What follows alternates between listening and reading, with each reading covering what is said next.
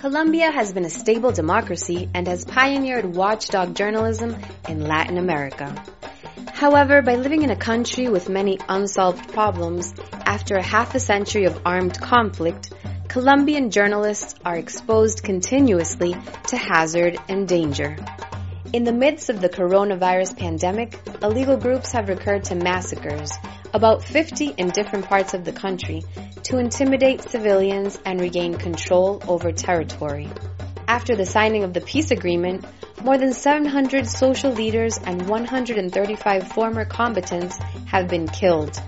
Around 3,000 former guerrilla members have taken up arms again, and hundreds of people have been displaced from their homes as a result of violence.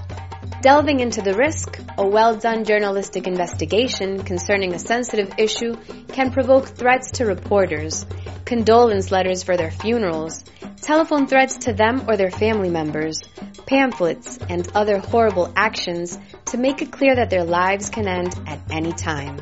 Sometimes journalists have had to flee the country or move to safer cities. Others have had to close news programs or reduce their agendas to cover soft news stories.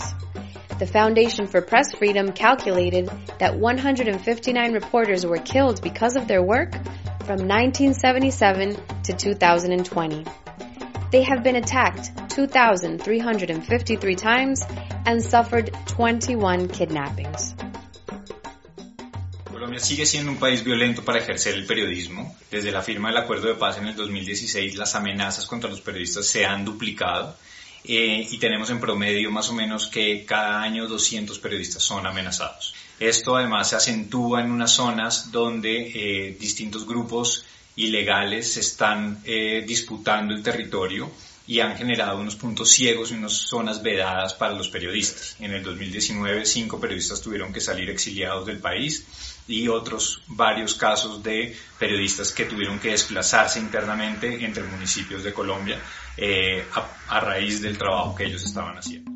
Even though a handful of fortunate ones are granted protection from the National Protection Unit, local and regional reporters are among those who often report not receiving this protection. This institution was founded in 2011 to guard hundreds of people under threat. Unfortunately, being a victim of physical violence is not the only risk journalists face. In Colombia, reporters also experience online and judicial harassment, and legal and judicial tools are used to silence them.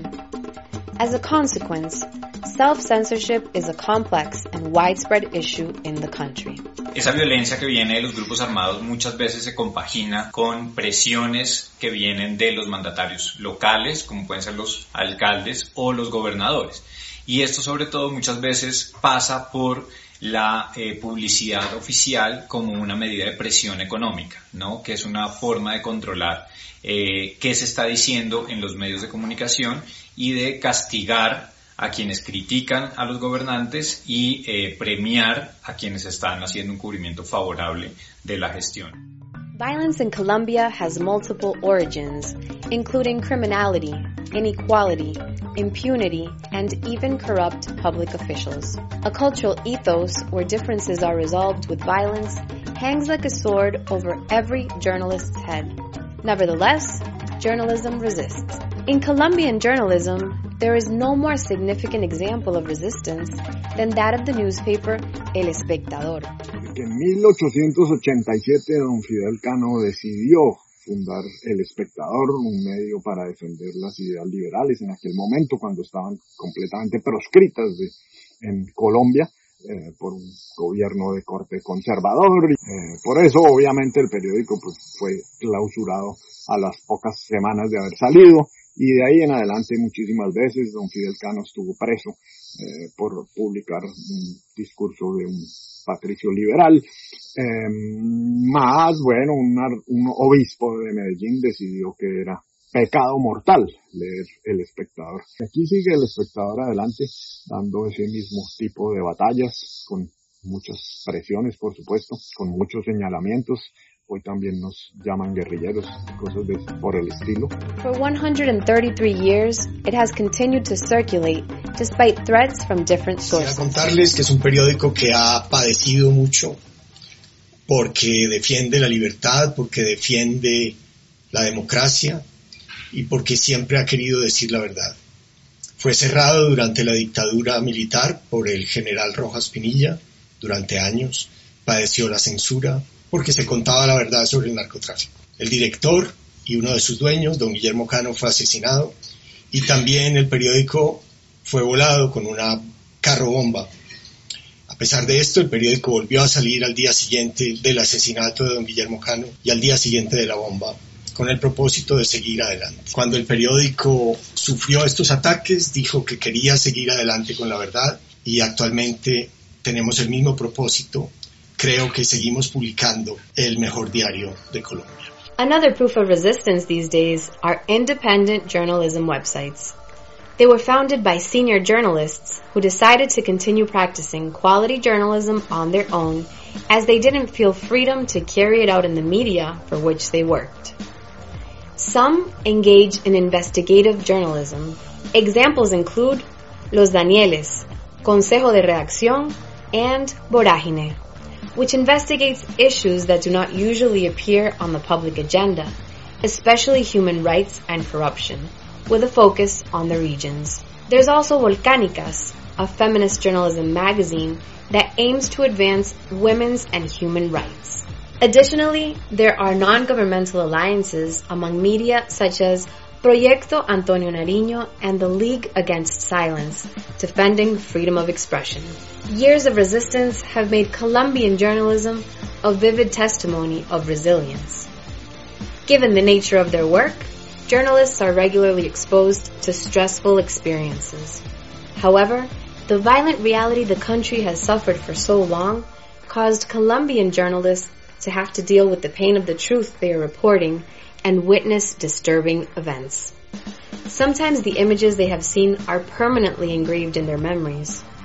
At other times, reporting violent stories can produce traumatic reactions in journalists that last for months or years. It's not only that.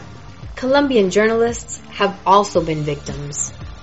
However, as living proof of resilience, Many have prevented personal trauma by limiting the quality of their work and have moved on. Yo he dicho muchas veces que a mí el periodismo me ha salvado, a mí el periodismo me salvó la vida.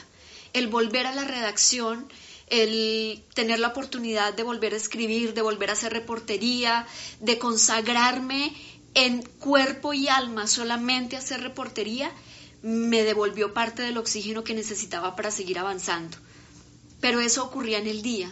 Y en el día yo era una reportera brillante que hacía las mejores crónicas sobre la guerra, que llegaba a los lugares donde ningún otro periodista llegaba, que tenía fuentes de primera mano, pero en la noche era la mujer violentada sexualmente eh, que solamente podía llorar y lamentarse de lo que había ocurrido. Y en esa situación estuve nueve años. Fueron largos nueve años en los que me negué a identificarme como víctima, pero además en los que me negué a hablar de lo que había ocurrido porque creía que no tenía el derecho a hacerlo que las únicas que tenían derecho a ser violentadas eran esas mujeres de las que yo escribía, pero yo como periodista no tenía ese derecho. Y eso obviamente eh, fue deteriorando mi salud eh, al punto que en algún momento eh, llegué a pesar 39 kilos. Cada vez me, veía peor, pero yo no dejaba de trabajar. Y, tengo que agradecerle a las personas eh, que me permitieron seguir trabajando, que me dieron la mano eh, para no desfallecer en eso que estaba haciendo. Y creo que allí empieza una parte muy importante de lo que es Ginette Bedoya hoy, pero además de lo que Ginette Bedoya logró hacer con su dolor a través del periodismo. Tens of thousands of Colombian women are affected every year by violence. Some are journalists. They have suffered violence when doing their jobs and have continued to offer their audiences quality journalism taking the opportunity to encourage other women to make their experiences of grief more public and bring perpetrators to justice.